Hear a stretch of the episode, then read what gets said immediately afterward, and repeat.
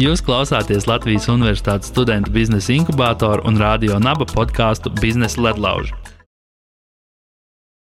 Sveiciens visiem, kas mūs uh, atkal klausās. Esam atgriezušies uh, Radio Naba studijā, uh, lai uh, aprunātos par daudz un dažādām biznesa tēmām. Un uh, šoreiz mums ciemos ir Kaspars Peisnieks, kas ir, es teiktu, finanšu guru. Uh, ja jums ir uh, kaut kādas finansiāls, uh, nu, varbūt dažiem problēmas, nē, bet, ja jūs vēlaties investēt, tad Kaspars ir. Pareizais cilvēks, pie kā vērsties. Čau, Kaspar! Čau! Jā, es tev varbūt palūkšu mazliet pastāstīt par sevi, ko tu esi darījis un ar ko tu šobrīd nodarbojies. Mm -hmm. Darījis jau 11 gadus, esmu aktīvi finanšu tirgos piedalījies. Uh, sākotnēji ar saviem līdzekļiem šo to mēģinot, pēc tam vairākus gadus pārvaldot turīga personu ieguldījumu portfeļus. Un šobrīd neatkarīgi sniedz konsultācijas, palīdz cilvēkiem uzsākt darboties finanšu tirgos, palīdz tikt skaidrībā ar to, ja ir brīvi desmit tūkstoši vai varbūt simt tūkstoši, teiksim, kā to ieguldīt finanšu tirgos, un ar to es visu varu palīdzēt. Un, ja tu minēji vēl to, ka uh, nu, ja ir finanšu kaut kādas problēmas un vēršās pie manis, var vērsties pie manis, tad uh, jāsaka tā, ka pie manis pašā nāk cilvēki ar patīkamu problēmu. Patīkamā Tie... problēma ir tāda, ka ir nauda, bet tu nezini, kur viņu ieguldīt. Nepatīkamā problēma ir, ka naudas nav.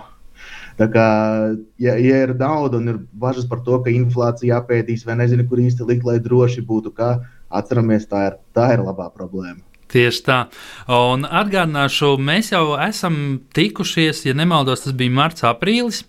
Un, uh, mums bija epizode dienu pēc uh, Covid-19.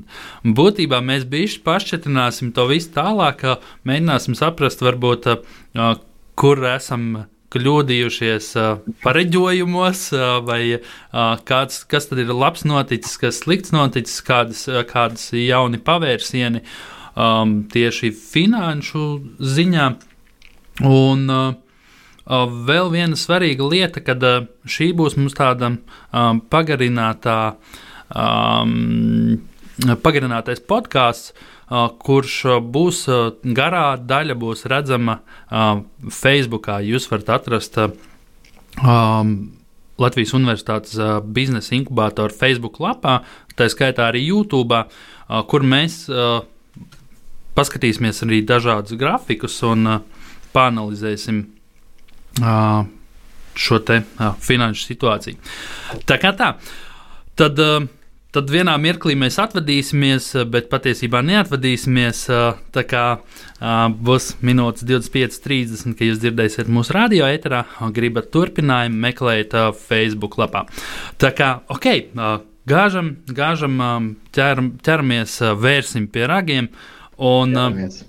un varbūt tad kuras eh, nozares šobrīd ir pozitīvi skārušas Covid-19. Es domāju, ka ir, ir diezgan daudz, kas ir pozitīvi. Nu, teiksim, ķers, skatīsimies to vairāk pozitīvo pusi. Jā, un uh, uzreiz jāatzīmē, ka es to pozitīvo skatos no tā pārsvarā, nu, no manas skatu punkta, ir tā, ka kā ir uzvedies uh, akciju tirgus attiecīgajā segmentā vai konkrētajai kompānijai. Un, eh, tā realitāte, protams, var atšķirties. Realitāte var būt tāda, ka, uh, piemēram, šobrīd akcija vēl nav aizgājusi nekur tālu, taču, taču rezultāti ir stabili. Un no otras puses, var arī būt pilnīgi pretēja situācija, ka akcija jau ir uzgājusi kaut kur pilnīgās augstienēs, bet mēs vēl redzam, ka grūtības ir vēl joprojām šodien. Un tad, līdz ar to tā visa akciju tirgu spēle ir vairāk par to, par uztveri, kur kopumā vajadzētu būt labāk, un tad pēc tam dati vēlāk to parādīs, vai tā ir vai nē. Nu, vienmēr var teikt to, ka uh, akciju tirgi mēģina skatīties 6 līdz 12 mēnešus uz priekšu. Un, protams, ir atskatoties atpakaļ, kā jau minēju, mēs runājām arī pavasarī, un atskatoties no tā brīža atpakaļ, ir, ir daudzas atziņas nākušas. Un, uh, kā, un, un, un, ja runājam par nozarēm, kas ir, protams, ieguvušas, tad uh, Jo šobrīd redzam, ka pēc akciju snieguma ieguvušas ir viss, kas saistās ar internetu, iepirkšanās online, tur sāksim ar lielākajiem monstriem, Amazon, Shopify. Domāju, e-komercija kā tāda kopumā ir uzņēmusi pilnīgi jaunus apgriezienus. Un vēl šodien kaut kur redzēju atziņas to, ka, nu, ja tu esi mazumtirgotājs, bet tev nav online veikala, nu, īsti neesi nopietns spēlētājs, ja vispār šajā biznesā vairs. Yeah. Um, tam, tam to varētu teikt, vēl, kas ir ieguvis, ir ieguvušas arī lielās veikalu ķēdes To mēs paši varam intuitīvi redzēt šeit, pieņemsim, Latvijā. To mēs zinām, to, ka maziem veikaliņiem ir švaki, bet es domāju, Rīgā un Maksim vispār nesūdzās. Viņiem ir labi, tāpēc, ka piegādes rullē un, un uh, cilvēki iet uz turieni. Labāk vienreiz aiziet iepirkties tur visu vienu vietu un viss notiekās. Okay. arī jāmēģina. Jā, jā, super. Um, bet um, cik ilgi, teiksim, arī uh, turpināsies, kā tev šķiet, uh, e-komercijas uh, Vai šobrīd uzņēmumiem, kas nav paspējuši noķert to vilni, vai būtu vērts vēl joprojām domāt par to, kad viņiem vajadzētu iet, iet internetā? Es domāju, ka jā. Tas ir mans nu, teiksim, subjektīvais viedoklis, bet atkal aizvien aktuālāk kļūst jautājums, kā šo preci aiznes līdz cilvēkam. Jo agrāk bija vienkārši, nu, nosacīti vienkārši arī vēl joprojām uztaisīt lielveikalā, viņas noīrē telpas, un tev ir veikaliņš, vai arī kaut kādā citā vietā noīrē. Nu, ceri, ka atnāks pie tevis, ja viņi ejot uz kaut kurien citurien. Uh, ja tajā brīdī, kad tu virzies daļu gribi online, tad vai nu tev jau jābūt pastāvīgam klientu skai, lokam ir no, no, no, no, no, no šīs fiziskās tirdzniecības vietas, vai arī ir jābūt citiem kanāliem, kā tu klients dabūs sevi, pie sevis. Ar to vēl svarīgāks ir kļuvis vēl viens segments, kam gāja ļoti labi, ir, ir eh, tas, kā mēs online, online aiznesam mēsīju par sevi tālāk, savu brendu. Un tas ir attiecīgi arī Facebook, Google, kas ir reklāmas uh, monopoli, nebaidīšos, oligopols, pareizāk būtu teikt. Ja? Uh, tur, tā, tā, tas vienkārši turpina visu rulēt, ja, un uh, līdz ar to uh, jā, ir jāvirzās, ar, jāturpina virzīties uz e-komerciju. Es pieņemu, ka tā turpinās attīstīties vēl vairāk. Tomēr katram individuāli ir jādomā par to, kā mēs tajā interneta pasaulē aizsniedzam. Jo informācijas kļūst tikai vairāk, visur mēs redzam aizvien vairāk troksni, un kā mēs izlaužamies tam, tam troksnim cauri tam savam patērētājam, jeb klientam. Okay. Un par cik mēs esam sākuši jau tādu ieskatu nākotnē, tad varbūt apskatām arī to, kas varētu būt vēl tās nozares, kuras šobrīd nav vēl izcitušās, bet viņām vēl paredzams, ka būs kaut kāda izaugsme vai kaut kāda potenciāls, kur būtu jāskatās. Varbūt. Nu, Man liekas, viena no tādām ir medicīnas nozara. Jo šobrīd visi aizgāja, nokoncentrējās uz, uz vakcīnām, nu, principā, kas tādā īstermiņā saistīts ar visādām covid lietām vai kaut kādām terapijām vai ko. Bet, kopumā es domāju, šis nāks kā atkal kārtējais lielais signāls, to, ka visi visur globāli pamazs tērē medicīnai. Un tad, attiecīgi, varētu būt tas, ka kamēr šis viss norimis, tad nav tā, ka mums šobrīd stāsta priekšā problēmas, kas ir piemēram mūsu slimnīcās, vai, vai, vai kur ir kaut kādi pudeļu korķi vai kaut kas tamlīdzīgs. Bet nu, tie cilvēki, kas tur iekšā, tie to redz, un līdz ko viņiem būs mierīgāki laiki, viņi uzreiz ies ar saviem tur, politikas tur, rosinājumiem un iniciatīvām un tam līdzīgi. Es domāju, nākamie daži gadi varētu būt arī milzīgs no valdību un no valstu puses pieprasījums pēc medicīnas. Un mēs redzam arī šobrīd to, ka milzīgam pieprasījumam vajadzētu būt teorētiski arī pēc preventīvās medicīnas. Ar domu tādu, ka mēs cilvēkiem uzlabojam veselību kopumā. Nu, jo mm. mēs redzam, ka tiem, kuriem ir visādas kaitas jau šobrīd, tiem ir daudz lielāks risks nekā iepriekš. Un Es domāju, kopumā tas noved pie tā, ka okay, man ir jābūt veselīgākam. Un es pieņemu, tad attiecīgi gan segments no tās profesionālās medicīnas, kur būtu visas lielās medicīnas eh, farmācijas kompānijas, kas kaut ko ražo, pēc tam tālāk aprīkojums, kas jau iet, iet uz slimnīcām un tā tālāk. Un nākamais jau pēc tam atkal ir retails, kur iet viss kaut kas, sākot no pelotona, ja, kur varam pirkt drausmīgi dārgus eh, velospēdus mājās un, un, un ekrāniņās kopā ar citiem padalīties. Ja. Uh, Nu, rītēls patulkosim mazliet, tad tā ir mazumtirdzniecība. Patēriņa, jā, mazumtirdzniecība un to, ko mēs katrs individuāli pats pērkam un darām savā labā. Jā, tieši par šo te attīstību kopējais. Šobrīd tas SP indeks, kas ir 500 lielāko kompāniju apvienotais indeks, cik mm. procentuāli ir kāpis kaut kādas akciju vērtības, kaut kā tā, pareizi? Jā, nu viņš ir diezgan, diezgan labi kāpis. Tūlīt tās pateikšu arī kaut kādas precīzākas. Jā, datus, ne, bet... bet tas jautājums varbūt ir tāds kopējs, vai ne? Tātad šis te indeks martā.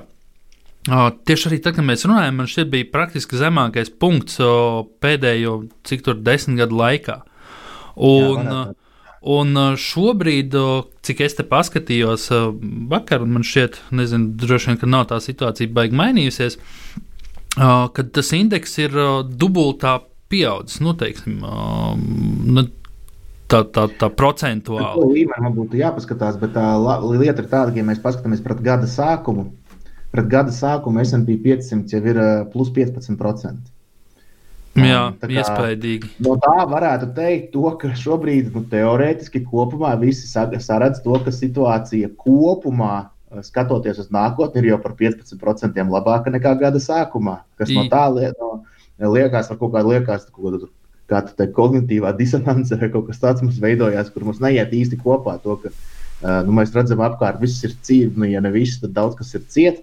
Nestrādā, tur citur bezdarbs pieaug un tam līdzīgi, bet tajā pašā laikā ir indeks ir augstienējis. Bet tieši tas ir tas, par ko es minēju, ka viņi skatās, indeksi skatās uz priekšu. Martā milzīgais kritiens bija, jo jo bija ārprātīgi, bija, bija totāla neskaidrība. Neviens nezināja, kas būs. Vai, vai, vai tas vīrus būs tāds, ka tiešām visi, kas tur slimo un pēc tam ir mirst un krīt, un tā kā sliktākajās filmās, kur tur bez mazliet pa puszombijiem pārvēršas, nu, vai arī būs vieglāk iet tam cauri.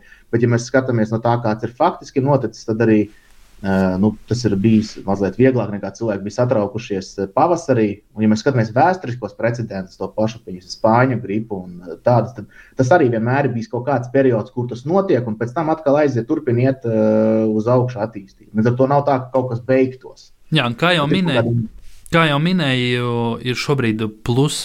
Uh, 15%, un man ka pašā Jā. aprīlī bija uh, mīnus 30% šķiet, no šī brīža tā uz aci. Uh, ka, kaut kā tā man izskatījās. Un uh, es gribēju tev arī jautāt, uh, pagājušajā reizē mēs runājām par šo te uh, helikopteru naudu, ko ASV dalīja. Uh, nu, būtībā saviem iedzīvotājiem, ja nemaldos, tas bija pieaugušiem 2000 dolāru, un katram bērnam bija 500. 500 un, un tad, un tad 1200 bija, un tad bija tā, 5. ka Jā. Jā, nu, vai, vai tas uh, gadījumā arī nav tas, uh, kādēļ uh, šobrīd šis pats SP indeks ir pieaudzis, nu, jo, jo naudas daudzums arī ir pieaudzis. Nu, vai Eiropa arī darīja to pašu, kā teiksim, iepludina kaut kādu jaunu, nebijušu naudu, mākslīgi radītu, varbūt nosacītu? Jā, nu, labā, labā ziņa ir tāda, ka uh, šī visa rezultātā cilvēkiem ir palielinājies brīvo naudas līdzekļu apmērs. Es negribu tagad precīzi samalot ar, ar skaitļiem, bet bija, bija skaitļi, bija Amerikā bija mērāmi triljonos, par cik cilvēkiem ir pieaudzis uh, brīvo līdzekļu apmērs kontos, un no otras puses, cik, cik daudz ir uh, palielinājies, ir, ir samazinātas kredītkaršu saistības. Ar to cilvēki izmantoja vai nu dzēs kredīt saistības, vai vienkārši kontos palika vairāk naudas iekšā. Tas, tas tiešām tā ir, ka diezgan daudz naudas aizgāja arī uz uh, aplikācijām, lai tirgotu akcijas, un tas sadzina iekšā. Bet es domāju, tas nav virzījis kopējo tirgu. Tas ir atsevišķās akcijās, kaut kādos karstajos, kas tajā brīdī ir milzīgie trendi. Tur, tur tajā brīdī ir iegājuši tā nauda, un viņi tur palīdzējuši sapumpēt uz augšu. Bet pašā indeksā kopumā es domāju, ka nē, tur tomēr skatās. Uh, Eh, tur tomēr tie, tie izmēri ir tik lieli, ka mazie, es domāju, ka nespēja līdz galam to ietekmēt. Un tur vienkārši ir racionāls aprēķins arī no kaut kādiem pensijniekiem, no, no, no citiem lieliem pārvaldītājiem, kur saprot, ja viņi martā varbūt pat nemaz nepārdeva. Vienkārši martā viņi nogaidīja, un kad viss kritās. Tad pēc tam jau tā kā saprotams, ok, mēs redzam, tas timelines, jeb laika josla ir tāda, ka pēc gada, diviem mēs kaut kur varam atgriezties pie normālā. Tas nozīmē, ka nu nav jēga šodien nepirkt. Jo tāpat tās mēs būsim atpakaļ pie normālā. Jā. Ja mēs nopērkam šodien, mums būs jāpērk nākotnē dārgāk. Jā, un par šo pašu naudas pieplūdumu vai piedrukāšanu, brutāli saucot viņu tā. Tu minēji triljoni, bet cik teiksim, tie trili, triljoni ir procentuāli kopā no kopējā dolāra daudzuma varbūt? Cik, cik vai es, es tādu nezinu? Ja?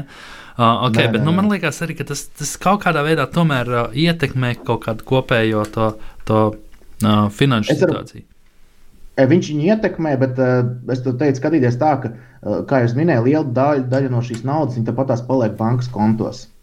Un tad, tajā brīdī, nu, piemēram, kad centrālās bankas sarada naudu, un viņas tāpat tās nogulsnējās atkal banku kontos, nevis aiziet reāli apgrozījumā, uh, ekonomikā, no nu, to, ka rūpnīcas sāk celt un cilvēki sāk vairāk naudu tērēt un uh, algas lielākas maksā. Uh, kamēr nenotiek te, šī te otrā daļa, bet paliek tikai kontos, reāli tas mūsu dzīvi gandrīz neietekmē. Kopumā var teikt, jā, šis te, naudas apjoms ir saradīts lielāks, teorētiski tad ir jābūt arī inflācijai, ja nauda zaudē savu pirktspēju. Bet, nu, teiksim, tādā ikdienas dzīvē mēs to neieraugām. Kur mēs to ieraugām? Mēs ieraugām to, ka finanšu aktīva cenas pieaug. Jā. Tur gan šī nauda aiziet, bet tādā ikdienas dzīvē nu, to mēs vēl īpaši neieraugām.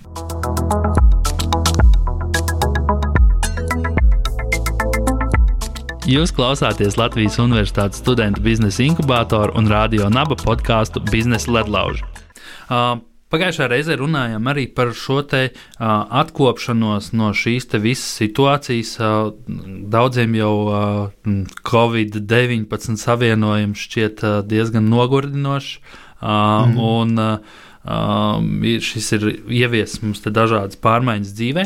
Un, uh, par šo atkopšanos uh, minēja, ka visdrīzāk būs U veida līknes atkopšanās, vai ne? Kad visticamāk nebūs V veida. Uh, Un kādas sajūtas tev ir šobrīd, un kā tu vērtē šo atkopšanos un potenciālu vispār atkopties kaut kādā tuvākā laikā? Jā, droši vien, ir gan kaut kāda pareizība, ir bijusi, gan arī nepareizība. Ja tur skatās uz to grafiku, tad gluži V īsti nav, U arī īsti nav. Nu, tāds, Citi to sauc par kvadrātu sakti. Nu, ja iepriekš bija tāds, tad pēc tam un nu, tad atkal tālāk uz augšu. Ja. Um, jā, atziņas ir tādas, ka es personīgi, esmu, protams, arī pieļāvis daudzas kļūdas, bet nu, ir, tas, tas ir uh, daļa no procesa, kur uh, sliktākajā brīdī es biju pārāk arī uh, nobijies un konservatīvs. Uh, pēc tam, kad sāka atkopšanās, varbūt no sākuma nenoticēja to, ka tas tik ātri var notikt. Tomēr arī bijušas lietas, kas uh, kas ir bijušas bezprecedenta, nu, teiksim, salīdzinot ar citām reizēm, to, cik ātri pieslēdzās centrālās bankas un, eh, un valdības ar kaut kādiem stimulēšanas pasākumiem, nu, cik viņi to mobili izdarīja. Eh, jo kopumā tie pasākumi bija, bija tik strauji un tik milzīgi, kādi bija tur eh, iepriekšējās krīzēs. Tā aizņēma dažus gadus, šeit tas bija vienā vai divos mēnešos. Ja? Tā kā no tādas atbalsta viedokļa bija, bija ļoti milzīgs atbalsts. Un tā atkopšanās, es domāju, viņi vēl šobrīd viņi tādā ļoti interesantā pozīcijā, jo no vienas puses uh, visi sagaida to, ka nu, vakcīna jau mums ir. Uh, Pirmos jau sāk tur vakcinēt, un tad līdz ar to nākamgad kaut kad jau vajadzētu kaut kādai normalitātei atgriezties. Bet tas viss jaucās kopā ar to, ko mēs redzam, to reālo situāciju šodien, ka nu, gandrīz visā uh, ziemeļu puslodē, kur ir līdzīgs klimats kā mūsējais, plus mīnus kā Eiropa un Amerika, uh, Tur vienkārši visur ir rekordi jauni skaiti ar gadījumiem, nāvēm, slimnīcas. Un, teiksim, visi ciet un teiksim, ir, ir grūti šobrīd uz tāda fona paskatīties kaut kā pozitīvi uz, uz to, cik labi varētu būt biznesa atgūšanās nākamgad. Jā, to tas visu laiku jaucās kopā. Jā, jā un uh, bija šis paziņojums par uh, vakcīnu, uh, par to, ka uh, viņa strādā, un uh, uzreiz. Uh, ja es nekļūdos, finanšu tirgos, teiksim, kaut kādam turisma un tādām nozarēm pēkšņi bija spēcīgs kāpums. Pareizi, Jā. tā bija, vai ne? Jā. Un vai šis kāpums vēl joprojām ir novērojams teiksim, šo te investoru vidū, vai viņi vēl joprojām jūt to pašu um, kāpumu? Tur ir ļoti atkarīgs arī no pašas kompānijas. Katras, kā, viņa, kāda viņai bija iepriekš rādītāji un uh, cik šobrīd viņi ir labā vai sliktā situācijā. Uh, taču, protams, tas leciens bija, jo atnāca skaidrība par to, kad plus mīnus kaut kas varētu notikt. Ja mēs skatāmies tās pašas vai nu kruīzus vai avio kompānijas, tad, protams, viņi jau ir Jau pēc marta viņi bija pieauguši, cits par 50%, cits par 100% no zemākajām, jo, jo kopumā ir skaidrs, agrāk vai vēlāk šis beigsies. Bet šīs konkrētās vakcīnas ziņas iedeva signālu to, ka lūk, plus mīnus gada laikā varētu būt jau kaut cik normālākas atgriešanās pie, pie, pie kaut kādiem iepriekšējiem rādītājiem. Un eh, es teiktu tā, ka šobrīd eh, tie, kas eh, meklē, droši vien var atrast vēl interesantas iespējas kur vēl ir diezgan tālu no, no, iepriekšējiem līmeņiem. Līdz ar to varētu būt turpāks, nu, turpmāk atgūšanās un arī akcijas cenas pieaugums. Bet, nu, protams, šobrīd atkal tāpat tās visi skatās nākotnē. Jo, jo ar esošo situāciju tie apjomi lidojumiem un vispār kustībai un turismam ir nu, gandrīz nekādi.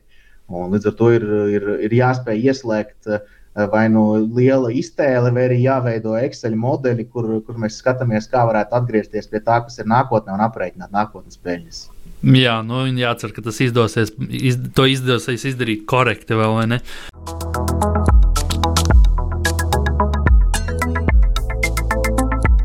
Jūs klausāties Latvijas Universitātes studentu biznesa inkubatoru un radio naba podkāstu Biznesa ledlaužu. Es zinu, ka tu esi ļoti liels kriptovalūtu, varbūt tāds nemīlētājs. Vai tu netici tam pareizi? Precīzāk, manā skatījumā, man ir jautājums tieši par bitkoinu. Bitcoin un zeltu tā skaitā. Un arī bitkoins ir protams, salīdzinot ar Teslu, uh, nav tik traki izaudzis, vai ne? Bet tajā pašā laikā, uh, ja tur uh, kaut kad. Uh, kaut kādā mirklī, salīdzinoši nesenā vēsturē, bitkoins maksāja dolāros pie bišķi zem 4000, tad šobrīd nu, jau tā, tā cena ir kaut kas, ja nemaldos, ap 17, 18 tūkstoši un pat sasniedz uh, iepriekšējos rekordus. Un tā pašā laikā arī zelts, zelta vērtība uh, pieauga. Un, uh, Vai tas ir veids, kādā veidā investori mēģina saglabāt savus līdzekļus un tos paglābt no inflācijas, vai, vai tas ir kāds cits, vai es pētīšu šo, šīs lietas? Mm -hmm. Jā, par, par bitkoinu droši vien arī mans viedoklis ar laiku mainās. Un šobrīd tas vairāk ir tāds, kas neesmu gluži nemīlētājs. Es esmu tā, tādā noskaņojumā, to, ka es mazliet piedalos Man pašam mazliet arī ir jau, jau, jau dažus gadus, uh, bet uh, nu, tikai tāpēc, ka es redzu, ka nu, tur plūst nauda, un ja nauda tur plūst, viņš iet augstāk. Kāpēc man tajā nepiedalīties? Un, ja tas tiešām uh, notiks, uh, ka tie scenāriji, ka iet uz mēnesi, ja, akcijas, jeb bitkoina cena, ja, tad ar savu nelielo dalību es arī sev būšu nodrošinājis portfeļu nelielu pieaugumu. Bet tā citādāk vēl joprojām esmu nosacīts skeptisks, jo uh, Nu, teiksim, tur vēl bija pamatojumi dažādām blokķēžu izmantošanām, varbūt ēteri vai citiem. Tad tam pašam bitkoinam viņš vēl joprojām ir vienkārši viņš ir lielākais, bet tādu faktisko reālo pielietojumu mm, nu, es vēl joprojām plaši neredzu. Bet tas, ka, bet tas nenozīmē to, ka viņš nevar iet augstāk. Jebkuram aktīvam uh, cena pieaug, tāpēc, ka ir pircēji, kas grib pirkt dārgāk. Un vienalga, kāda ir viņu motivācija. No mūsu puses, kā, kā nākamajam pircējam, ir jautājums, vai mēs domājam, ka vēl būs tālāk citi, kas gribēs vēl dārgāk pirkt. Un šogad ir sanācis tā, ka ir ļoti daudz lielās institūcijas, kuras grib nopirkt un kuras pērk. Un viņas par to skaļi pasaka, un tad citi, ah, šitie pērk, nākamie pirks, tad man jāpaspēj pirms viņiem nopirkt. Un tā tas arī pieprasījums iet tālāk. Tāda lavīna, vai ne? Jā, un viņš vienkārši turpina iet uz priekšu. Un, uh, kur tas ies tālāk? Uh, Man nav, nav nejausmas. Es minimāli piedalos, un uh, kā, kā, kā būs, tā būs. Uh, par to, par, par to vai, vai tas būtu kā naudas saglabāšanas rīks, naudas saglabāšanas vērtības rīks. Manuprāt, tomēr tās svārstības vēl ir par lielu, lai par to varētu runāt. Tad arī būtu jāskatās tādā, tā, no tādas prizmas, kā, kā, kā piemēram, skatīties zeltu. Zelts gadsimtos vai tūkstošos viņš ir bijis labs rīks, lai saglabātu savu pirktspēju. Nu, attiecīgi, mēs par līdzīgu zelta apmēru varam nopirkt maizi šodien, pat pa kādu pašu varēja nopirkt maizi pirms simtiem vai, vai, vai varbūt tūkstošiem gadu. Un ar to tas ir rīks, kā saglabāt pirktspēju, bet tas nav ieguldīšanas rīks, kur no ieguldīšanas skatoties no tā, kas dod pozitīvu ienesīgumu, tad ir vairāk nekā inflācija. Un, kas, un, lai būtu pozitīvs ienesīgums, vajag būt, ka šis aktīvs rada pievienoto vērtību. Zelts pats par sevi nerada pievienoto vērtību. Bet uh, uz šī visa fona, kas šobrīd ir, kur tiek saradīta papildus jauna nauda, uh, manuprāt, ir arī gana labs laiks no tāda uh, nu, taktiskas ieguldīšanas zeltā un zelta iegūst kompānijās uz dažiem gadiem.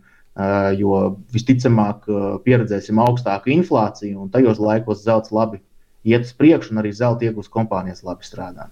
Jā, un uh, es atceros, tu pats minēji, jā, ka tu esi ieguldījis uh, zelta iegūs kompānijās, un vai tas bija labs lēmums tajā laikā, vai tu arī uh, ieguldīji? Es biju pir gan pirms korekcijas martā, gan arī piepildījis klāt martā. Un, Un, tās, kas jau ir ilgāku laiku, tur, protams, ir bijis ļoti labi rezultāti. Jā, noteikti vairāki klausītāji nezina, kas ir korekcija. Vai tu varētu to paskaidrot tādos pāris vārdos, nu, jā, kur izdarīt? Korekcija vai, bija, ko mēs novērojām martā, kad visas, visu aktīvu cenas uz brīdi kritās, nu, kas bija Covid ietekmē. Jā, nu, korekcija būtībā ir skatoties uz jebkuru aktīvu, arī individuāli, vai ne, kad viņš pēkšņi kaut kādā mirklī nokrīt kaut kādā Jā. zemākā punktā, un tad jau atkal atkopjas. Līdzīgi kā ar šo te indeksu SP 500, ko mēs apskatījām iepriekš. Uh, jā, uh, mums jau ētera laiks iet uz beigām, un uh, man te ir jautājums par, uh, par tādu kopējo investoru noskaņojumu, vai, vai investori šobrīd pietiekami aktīvi piedalās investēšanā un, un notiek kaut kāda finanšu plūsma turp atpakaļ, vai, vai tomēr viņi vēl joprojām ir piesardzīgi? Tā. Kaut kas kaut, mazliet kaut... bremzējās. Jā. Tā tad vēl vienreiz dzirdēju jautājumu. Varbūt var atkārtot, lūdzu, Jā, kas, uh, attiecīgi. Um, Invest, vai, vai investori šobrīd ir vēl joprojām piesardzīgi, uh, vai, vai tomēr aktīvi uh, investē dažādos uh, projektos un, un, un akcijās? Cik, cik, vai, vai tomēr viņi sēž uz zelta, pieņemsim? Man liekas, ka uz zelta īsti nesēž neviens. Nu, tas atkal ir atsevišķs segments. Uh, Eh, es teiktu, ka vai, viena pozīcija ir vai nu esi ieguldījies, vai arī tu sēdi naudā. Un tas arī kopumā parāda tavu teiksim, attieksmi, eh, jeb eh, nu, teiksim, uzskatu kopumu par to, kā tu redzi, kur virzās pasaule. Ja tu esi ieguldījies, tu kopumā tu esi gatavs, jo tu zini, ka katra ieguldīšana saistās ar risku un būs uz augšu, uz leju. Nu, tad sagaidi to, ka nākotne kopumā, skatoties tāpat tā kā bija vēsturē, tālāk uz priekšu būs gaišāka nekā viņa ir šobrīd. Jeb nu, izaugsme būs. Ja? Uh, Uh, savukārt, no otras puses, ja tu sēdi naudā, tad uh, šobrīd esi uh, nu, nosacīti konservatīvs, piesargājies un nu, baidies no kaut kā. Un to, ko mēs redzam pēc datiem, arī pēc Latvijas datiem, ir tas, ka atlikumi norēķinu kontos ir rekorda augstos līmeņos kā nekad. Tas nozīmē, to, ka daļa sabiedrības ir tomēr ļoti konservatīva. Bet no otras puses ir būtisks faktors, kas jāņem vērā, to, ka tā kā ir ļoti zemas centrālā banku likmes, nu, Eiropā viņas pat ir negatīvas. Tad, uh, Agrāk mēs skatāmies, arī šobrīd mēs skatāmies, kā ja mēs vecumdienās gribam papildus nodrošināt sevi ar kaut kādiem ienākumiem. Tad mēs skatāmies, cik viņi var mums dot regulāros ienākumus ar kaut kādiem procentu ienākumiem. Ja procentu likme samazinās, tad mums ir jāpalielina šīs summas, cik daudz mēs uzkrājam. Ar to noteikti tas pretējais efekts no vienas puses likmes samazina, lai cilvēki vairāk tērētu naudu, bet viņi saprot to, ka, lai nākotnē viņi tērētu, viņiem vajadzēs vēl vairāk uzkrāt. Jā. Īstenībā pārtrauc uzkrāt un vēl vairāk, pārtrauc tērēt un vēl vairāk uzkrājāt. Jā, ļoti interesanti. Tā pašā laikā varbūt kādam sarežģīti. Un uz šīs nots mēs beidzam mūsu pārraidi tieši radio eterā, kā jau minēju sākumā kad, ja jūs gribat dzirdēt šīs te, šī podkāsta pagarināto versiju, meklējiet mūsu Facebook, kā Latvijas Universitātes studentu biznesa inkubators, un šeit tur jūs redzēsiet garo versiju. Tā kā paldies, radio klausītāji! Sakam jums čau! čau. Un tad tiekamies nākamajā epizodē.